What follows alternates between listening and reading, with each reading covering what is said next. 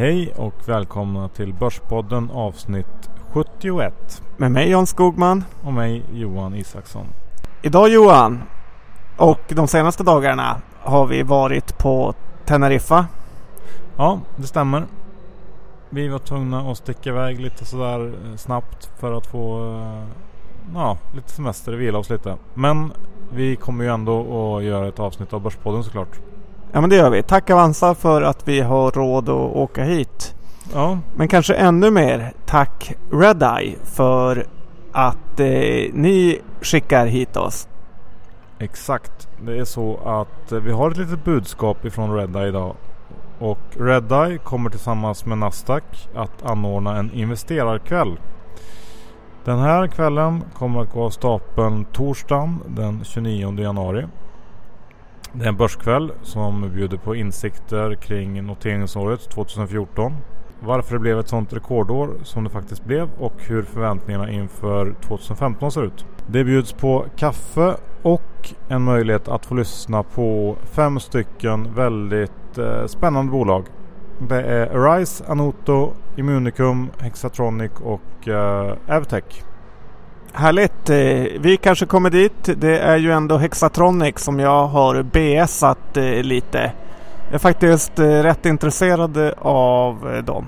Ja, kanske kan bli så att vi kör en liten intervju med dem. Om vi får. Ja, om de inte bangar. Ja, vi får se. Vi skickar ut en utmaning. Men Ja. vilken dag var det? Det var alltså torsdagen den 29 januari klockan 17.00.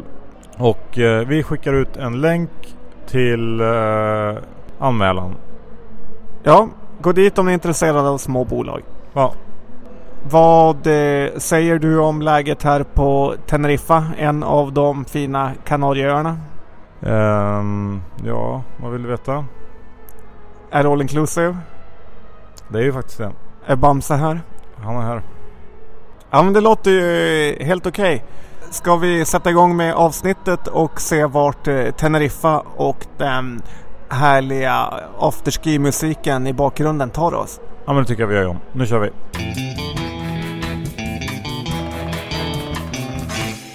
Johan Isaksson, Dr. Bass, som eh, jag med flera kallar dig. Du har ju varit eh, Gråse Bassi inför det eh, kommande året 2015 och du åker till Teneriffa med en åttasiffrig exponering på kortsidan. Berätta lite. Ja men det stämmer ju om. Och eh, jag har ju agerat efter vad jag sagt i tidigare avsnitt här av Börspodden. Jag är negativ till börsen i början på året och jag tror att eh, det finns flera olika möjliga triggers till en dålig börs framöver. Och vi har väl redan börjat se det här med eh, rädsla för Grexit och och eh, även tror jag en rädsla för eh, vad eh, Draghi kommer hitta på om man kan leva upp till förväntningarna. Och och att lägga till det oljan, oljeprisfallet, vad händer där? Folk börjar bli oroliga, det är inte så kul längre. Det var kul i början men nu är det inte kul längre. Nej, det är ju så att vi brukar ju säga att man ska sälja när det är dyrt, dyrt och köpa när det är billigt. Och tittar man på index så är ju det på alla börser runt om i världen extremt högt. Så risken med att vara kort eh, på de här nivåerna kanske inte jättehöga. Ja, sånt där är ju alltid svårt att se om men då, då får man ju ta in om det om man skulle ha fel så att säga. Men, men ehm, jag håller med dig om att det känns som att det är en bra att det är en bra risk-reward på något sätt kortsiktigt i alla fall. Och eh, om vi tittar på Grekland då. Det är lite snack igen om att de faktiskt eh, kommer lämna hela EMU-samarbetet i och med deras nyval som eh, kommer inom kort och eh, oppositionspartierna verkar leda. Ja, det här har precis som vi pratade om för några avsnitt sedan så så hamnar vi i den här situationen att eh, den 25 januari så blir det nyval. Och eh, det ser väl ut som att ett eh, Kritiskt parti kommer att ta hem segern. Men eh, ja, vi får se när, det, när det, den dagen eh, kommer. Oavsett så, så sätter ju det lite press på på hela det här EU-samarbetet och vad som kan tänkas hända och eh, Uh, kommer man att låta Grekland lämna och så vidare och vad, hur, hur, vad ger det för följdeffekter uh, för andra lite halvsvaga länder där nere i Sydeuropa. Uh, det är klart att det blir oroligt. Ja, och eh, om vi tittar på andra svagheter i marknaden så har vi ju oljan som eh, man inte kan lämna. Den är under 50 dollar för VTI. Mm, precis. Och eh, nej, som jag sa, jag tycker det känns som att det var kul i början. Och sen så blir det inte... Ju längre det går desto mer allvarligt tycker jag man kan känna att marknaden tar det här. Ja, det är ju så att eh, det är många sektorer utanför själva oljebolagen som påverkas. Eh, el, eh, eh elbilar är inte lika effektiva att sälja. Det kostar 1,50 att tanka en Tesla för att köra en mil med el. Så du säger att man ska korta Tesla nu? Eh, ja, men jag menar att eh, initiativet till att eh, ställa om så snabbt som man kanske trott att man ska behöva minska lite och det här kommer ju såklart att slå mot bolagen som är inriktade på det här. Jo, typ vindkraftverk och eh, andra bolag inom den här typen av eh, sektorer. Nibe och så vidare. Ja. Och sen så ger det väl också kanske marknaden en anledning att bli lite mer orolig för tillväxten i världen. Eh, kan det vara så att det, att det påverkas, att det inte bara är den här utbud, eh, utbud efterfrågan ekvationen som, som det handlar om utan att det kanske även är Kina som eh, går sämre än väntat. Ja, det, är, det är sånt här som spelar in nu och alla de här sakerna tillsammans gör väl att um, vi kommer ha en ganska stökig börs framöver. Åtminstone fram till det här månadsskiftet januari-februari tror jag.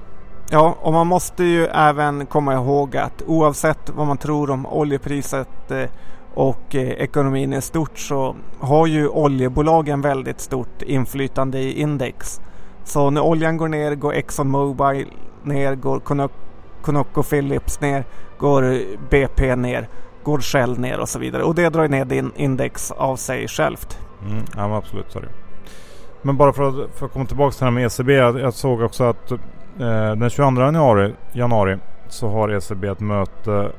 Eller inte ECB utan eh, European Court of Justice har ett möte för att komma med en preliminär bedömning eh, om vad ECB får göra och inte får göra i framtiden. Och det är någonting som man ska hålla lite koll på för att det kan komma att avgöra lite hur, hur, kraftfulla åtgärder som, som Draghi kan komma med framöver. Så att det, det finns eh, eh flera saker kring just ECB som jag tror det kan vara värt att hålla koll på. Ja, annars är risken att Draghi fortsätter sitt storhetsvansinne och börjar bestämma allting. Ja, jag tror att, att um, nu ligger ju förväntningarna på att han ska komma med ett, ett liksom väldigt ambitiöst program men uh, jag har en känsla av att det kan bli lite av en besvikelse för marknaden som redan har liksom prisat in väldigt, väldigt uh, kraftfulla åtgärder. Och jag tror också att en orsak till att, att QE-programmet i USA fungerade så bra till en början. För det gjorde det verkligen i början. Och har väl gjort det egentligen hela tiden kanske. Eh, men det var just det här med överraskningsmomentet i det hela. Att ingen var riktigt beredd på det här. Eh, nu är det ju, man brukar ju säga eh, okonventionella åtgärder när man pratar om QE-program. Men det känns ju inte som att det är särskilt okonventionellt längre. Utan det här är ju någonting som man alla är vana vid. Så jag har svårt att se hur, hur Draghi ska kunna överraska just av den anledningen också. Ben Bernanke, han visste hur man styrde upp en börs. Ska vi titta på lite mindre tråkiga makrogrejer utan lite mer down till jorden saker Johan. Ja. Vi kan väl börja här i Teneriffa. Hur vi flög ner med ett bolag vi inte säger. För de har inte ens ett, ett, ett konferensrum att spela in podden så vi får spela in med afterski-gänget. Ja, nej vi kan väl inte bjuda på det. Men, um, Mycket har... feta britter. Ja. Mycket svenskar. Lite oroväckande lite norrmän faktiskt. Ja, tror du att det redan är en effekt av olja? Ja, jag vet inte. Min eh, little brother jobbar ju i Norge och han säger att de är ju ganska rädda för det här och hur det är. Så att eh, det kan nog vara en minskning eh, med charterresenärer där ganska ordentligt på relativt kort tid. Ja. Uh, om jag ska göra någon spaning så vill jag återgå lite till det du nämnde här nyss om uh, feta britter och jag känner att det är en, en klar övervikt av sådana här. Och, Övervikt var ordet. och eh, jag tror det är ju någon slags megatrend det här med fetma och eh, ja, välfärdssjukdomar. Så att eh, Novo Nordisk som ju är väl eh, Nordens största bolag va? Diabetesbolaget Novo Nordisk. Ja exakt. Jag håller helt med dig där Johan och eh, jag brukar också tänka på de här grejerna man nämner med eh, att sporttrenden och att det nya medvetna levandet har kommit. Att det är ju en av de största lögnerna genom tiderna utan det är ju precis tvärtom. Pommesfrittelsen eh, har ju aldrig varit i sådana fantastiska mängder som de är nu. Nej, man får nog... ibland är det bra att göra några avstickare så här för att det är ju inte... Stockholms innerstad är ju kanske inte representativt för uh, världen. Nej det är inte. Men du och jag har ju faktiskt eh, sprungit en mil varje dag här och eh, sticker väl ut som några av de mest aktiva personerna på den här gigantiska anläggningen. Ja, antagligen. Men Johan, det är ändå rätt eh, härligt att eh, kunna sticka iväg på något sånt här utan att eh, behöva planera det något större utan man har friheten att inte ha någon arbetsgivare man behöver fråga om lov och det har ju vi som daytraders eller traders eller swingers som du går runt och kallar dig här nere för. Men ska vi prata lite om hur man ska komma upp till den nivån? Även spinna vidare på lite det BB Trader berättar om sina eh, erfarenheter. Ja, absolut kan vi göra. För jag håller med dig där John, att det är ju faktiskt en av de absolut största fördelarna med att vara en uh, trader och det är just det här med att man kan uh, påverka sin egen uh, arbetstid. Man kan kanske hålla koll på lite positioner från mobilen och ja, åka iväg på semester så här. Du är ju en av kanske Sveriges mest mobilberoende personer. Vilka program har du i din mobil om vi börjar där? Ja, där skulle jag kanske vilja skicka ut en efterlysning till äh, mäklarfirmorna här i stan att man borde satsa kanske på att hitta någon liten bättre app till det här. Avanzas äh, mobilapp är usel. Den använder jag inte. Eh, Tack Avanza. Online Trader som jag ju handlar genom eh, har en app som jag använder för att kolla kurserna i. Så det, det Betyg? Det, ja, den är halvkackig. 2 av 5. Av 100? 2 av 5 på den. Så det är ju ganska dåligt betyg. Måste man säga. Ja. Och um, så den sitter jag och kollar um, min lista med aktier och index i. Och um, vill jag göra någonting så loggar jag helt enkelt in på då surfar jag in på Avanzas hemsida genom mobilen. Alltså det låter ju nästan som att, vi är, att det är någonstans 1990-2000 årsskiftet där. Inte 1990 Johan, då var du nio bast. Ja men 1999.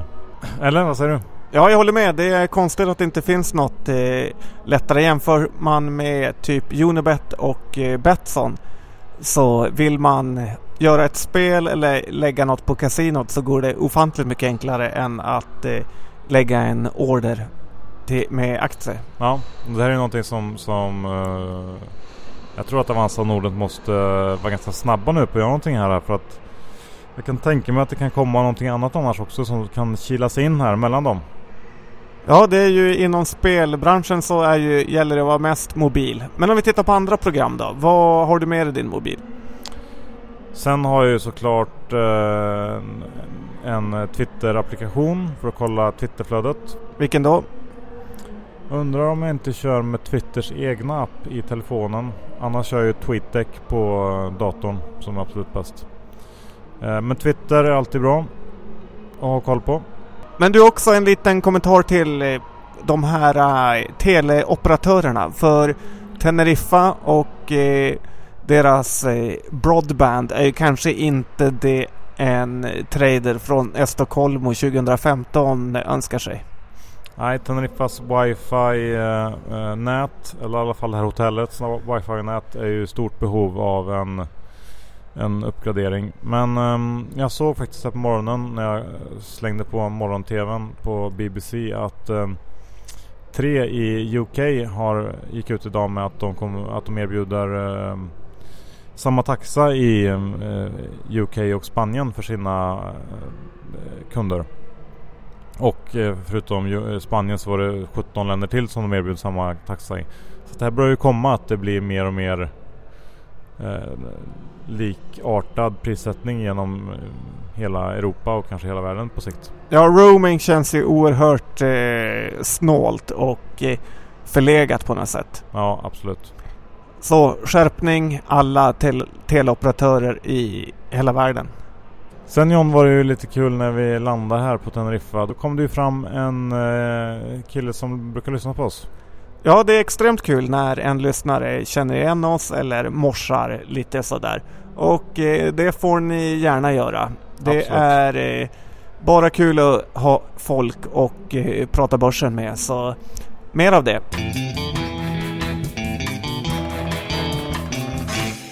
John, trots att det är sent här på Teneriffa så ska vi ändå riva av några bolag så här eh, som vi har eh, tyckt eh, är lite extra intressanta den här veckan. Ska vi börja med det som händer när det är lite osäkert i världen. Vad brukar man kalla det? Flight? To chocolate. Ja, Precis så är det Johan. När du inte vet vad du ska göra med dina pengar längre i Sverige, tryck in dem i Cloetta. Flight to chocolate, det kan inte bli fel. Och eh, jag tror den här aktien kommer stå högre. Jag har sagt det förut, jag säger det igen. Konjunkturrisken är relativt liten, så... Ja. du gillar det alltså? Ja, men det känns som att jag har sagt det förut. Ja, faktiskt. Men ja, lite tröttsamt men okej. Du, får, eh, du får fortsätta med det. Sen Johan, här på Teneriffa är det ju en hel del eh, ryskorienterad eh, grejer. Det, butikerna har lite information på ryska och eh, många av gästerna här är faktiskt också ryssar. Eh, har du något ryssbaserat du kan kasta ut? Ja men då måste man ju ändå kanske ta upp eh, det lilla mobilspelsbolaget G5 som i veckan presenterade sin försäljningsrapport för Q4 som var väldigt imponerande får man säga. Plus 88% year on year. Och ehm, jag hoppas verkligen att det här kan ge lite klirr på sista raden den här gången. Det har ju varit så under sista året här att man har växt väldigt bra men det har inte riktigt trillat ner eh, i resultatraderna utan eh, det har kostat att växa. Man har betalat för att få in eh, nya kunder, nya spelare. Och eh, det ska bli väldigt intressant att se den här rapporten. Eh, det är ju ändå ett bolag som eh, skulle kunna bubbla upp och bli en rejäl vinnare om de lyckas få till en, en riktig hit. Men John, när vi ändå var inne på ryssar så kan man ju tänka lite på det här att man ska vara, ta det lite försiktigt också. Vara, råda om sitt bo, eller? Ja, det är mer nordkoreaner jag tänker på. Och eh, i och med filmen The Interview och datahackförsök och så vidare så jag höjer ännu en gång ett litet finger för mitt eh, kära bolag Proact. Pakten kallad i traderfolkmun. Det är så att eh, det här datasäkerhetsföretaget eh, kan... nu, måste jag, nu måste jag bara bryta in. När blev det ett datasäkerhetsbolag? datalagringsbolag om du ska vara ute efter detaljer. Ja. Jag tror att det här bolaget har en god chans att kapitalisera på eh, oron från andra bolag hur man lagrar sin data och få råd. Vi har sett insiderköp. Kursen är eh, i närheten av 52 veckors lägsta och eh, det beror mycket på att huvudägaren Skandia eh, är kanske en av eh, de sämsta huvudägarna och eh, portionerar ut sina aktier på börsen eh, i en lagom takt för att hålla nere kursen. Insiderna köper, jag köper och eh, de kan nog kapitalisera på den Mm. rådande Ja, trenden. Ja, nej, jag håller inte riktigt med där. Men, men På vilket sätt? ja, jag tycker kanske dels att det här säkerhetstwisten du försöker få till är tveksam. Jag, jag har aldrig hört dem prata om, om eh, sina system som, eller trycka på säkerhet utan det är lagring de har tryckt på hela tiden. Att man, att man kan lagra så mycket att de är bra på att- fixa till eh, system för lagring. Ehm, dessutom så har de ju e-, egentligen inga egna grejer utan de är ju någon slags ehm, konsult och, och eh, en firma som sätter ihop flera olika lösningar. Tack Johan, det räcker med feedback. Ja. Um, ska vi gå vidare då till eh, Scandinavian Enviro Systems John? Ja, de har gått på en liten nit. Ja, det kan man säga. Uh, det här är ju ett bolag som uh, kanske lite liknar Cassandra i sin utformning och tanke. Det vill säga ett, ett inte ett särskilt bra bolag. De Ehm, gick ut med det här eh, efter börsens stängning eh, i måndags att man inte kommer att eh, fullfölja en försäljning av en anläggning till en kinesisk kund. Uh, och det här berodde då på att uh, kunden blev tveksam nu när vollan i oljan har varit så stor och ja. Det här känns ganska typiskt för den här typen av bolag och ja, ja, än en gång vill jag bara säga att man ska hålla sig undan ifrån den här typen av snillebolag.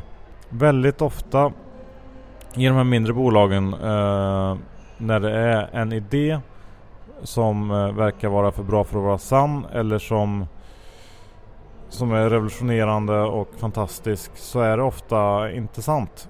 Eh, om det hade funkat då hade man inte tagit in den här, eh, det här bolaget på börsen utan då hade man kört vidare själv och, och lyckats få in pengar på något sätt ändå och behållit så stor ägarandel som möjligt. Eh, om det inte funkar då går man in på börsen och försöker mjölka ut små aktieägare. Tyvärr är det så det funkar och det här ska man tänka på. Särskilt i högkonjunktur för börsen som det är just nu. Men John, om vi ska prata om lite roligare grejer. CTT har ju fått en flygande start eh, på 2015. Ja, det har varit jättekul att se hur den aktien har lyft. Eh, från 28 till över 32. Ja. Det är ju så här att den har ju haft eh, ett relativt dåligt år 2014 med ner ifrån 40 kronors nivån i princip till 28 så att det är möjligt att det varit en nyårseffekt och, eh, eh, och den studsar upp nu. I övrigt har jag svårt att förklara varför eh, den har gått upp. Ja, men John, det är bara att konstatera nu när man är ute och flyger att eh, visst hade det varit trevligare att ha lite eh, högre luftfuktighet? Ja, det hade inte varit fel och det här kommer ju slå ja, längre fram. Så är det. Ett annat bolag vi har pratat om för ganska länge sedan i podden är E-work John. Ja, E-work tuffar på ja. och uppe på rekordnivåer i princip. Jag gillar bolaget och de har mycket pengar i kassan och kan fortsätta en hög utdelningsnivå. Självklart finns det risker när vi ser att hela IT-konsultbranschen i princip går på knäna. Men är det någonstans man vill ha exponering mot den här branschen så är det via e-work. Ja. Sen John har vi ju fått frågor, har jag sett på Twitter, eh, angående VBG. Ja, Vänersborgbolaget som vi hade höga förhoppningar på här för relativt länge sedan. Eh, vi skruvar ju ner förväntningarna ordentligt på 125 kronors nivån. Aktien är kring eh, 100-lappen nu och eh, jag ser ingen anledning till att eh, ge sig in i det här bolaget utan eh, Europas eh, lastvagnssektor eh, går fortfarande dåligt och det är trögt och eh, satsa inte på det här nu av alla bolag som finns där ute. Utan låt den sjunka mer i sådana fall innan ni kliver på. Har du något amerikanskt bolag då som um, har stuckit ut här sista veckan? Det jag har som sticker ut på nedsidan är ju de amerikanska järnvägsbolagen som jag vet att eh, de amerikanska bloggarna älskar. Eh, de har fått sig rejäla nedgångar i och med det här med oljepriset då man har kört mycket olje shale gas på järnväg och mm. det här har ju dragit ner attraktiviteten i det. Så att de har fallit rätt mycket här sista tiden och då är det bolag som CSX Corp och Norfolk Southern som har gått ner mycket. Jag kan tänka mig att Warren Buffetts Burlington Santa Fe också svider lite även om han snöt in dem på ett väldigt eh, bra pris. Är det köpläge? Nej, de har gått upp alldeles, alldeles för mycket här sista året. Så att eh, det är bara att passa sig. Och på köpsidan har jag ju den här eh, favoriten som jag inte vet varför jag rekat men haft den som en personlig favorit. Och det är Halyard Health som är någon typ av getingkonkurrent. Och eh, det är en avknoppning från Kimberly Clark. Handlas billigare än Getinge och eh, eh, har väl gått upp en 10-15 procent sen avknoppningen. Och eh, det är fortfarande ett bolag jag hellre köper än Getinge och eh, tecken på det bolaget är HYH. Och det passar ju som handen i handsken på mitt demografitema här inför 2015. John, nu är det snart dags för oss att uh, göra något annat. Men ska vi avsluta bara med att säga några ord om uh, CES? Ja Johan, det tycker jag. Det är ju mässa snart i Vegas. Du fick åka till Teneriffa istället för till Vegas, men du kanske har något vettigt att säga ändå? Det vet jag inte, antagligen inte, men uh, jag såg något litet reportage ifrån Las Vegas här på morgonen och uh, det är ju uh, lite samma snack känner jag som det varit sista åren. Det är wearables, det är smarta klockor och det är Google Glass S. Ja det är det. Och uh, vad tror du om och tror du och tycker om det här? Nej men jag börjar bara känna att det här känns inte fräscht längre. varken wearables eller smarta klockor eller några glasögon som man kan greja med känns särskilt framtid. Eh, jag tycker att de här grejerna börjar eh, tappa lite i sin eh, eh glans och eh, det här är inget tema som jag skulle satsa på och försöka investera inom just nu utan nej, dags att ta det lite lugnt med den här tech-trenden känner jag. Ja, det kan du mycket väl ha rätt i. Det känns det blev årets julklapp här i Sverige men man känner inget större sug efter att ha en stegräknare på armen som är en fyllklocka också.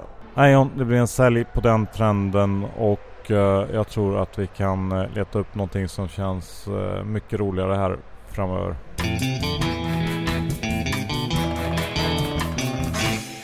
Johan Isaksson, avsnitt 71 från Teneriffa är avslutat. Ja. Tack det, Avanza. Tack så hemskt mycket. Tack Redeye för att ni kliver in och sponsrar med er härliga dag. Ja, eller det är väl snarare en kväll faktiskt John. Ehm, det är Redeye och Nasdaq som har en investerarkväll ihop. Och eh, den här går av stapeln torsdagen den eh, 29 januari. Man får eh, höra eh, om varför 2014 blev ett sånt fantastiskt noteringsår. Eh, och även hur förväntningarna inför 2015 ser ut. Men sen var det en massa härliga bolag också. Ja men så här John, eh, med en kaffekopp i handen får man möjligheten att lyssna på fem stycken eh, mindre bolag som är noterade. Och det kan ju alltid vara intressant att lyssna på de här mindre bolagen som, som annars kanske inte riktigt får komma fram i mediebruset. Det är där man kan hitta de här 5, 10, 15 dubblarna om man har tur. Ja, och eh, kollapserna om man har otur. Men eh, det är ju också hemläxan man måste göra själv och eh, det gör man ju på sådana här dagar. Ja. Och eh, den här kvällen så är det Arise, Anoto, Immunicum, Hexatronic och Avtech som kommer. Förhoppningsvis kan vi vara där och kanske träffa Hexatronic som vi har uh, småbäsat lite här i podden. Ja, det har vi gjort. Jag har varit taskig mot dem. Anoto är jag också lite sugen på sådär att uh, vara taskig mot och uh, höra deras side of the story. Ja, det är ju aldrig schysst att vara taskig mot någon som inte får slå tillbaks. Nej, men det här är en bra dag och vi hoppas att vi är där. Se till att anmäla er. Vi skickar ut uh, länken till anmälan och uh, som sagt 29 januari, torsdag är det. Klockan 17.00 smäller det. Med det sagt så uh, säger vi väl bara godnatt och se till att kolla in oss på Twitter, Facebook och om ni vill något så mejla på Burspodden at gmail.com Speciellt om ni vill sponsra. Vi syns i baren. Det gör vi. Tack och hej.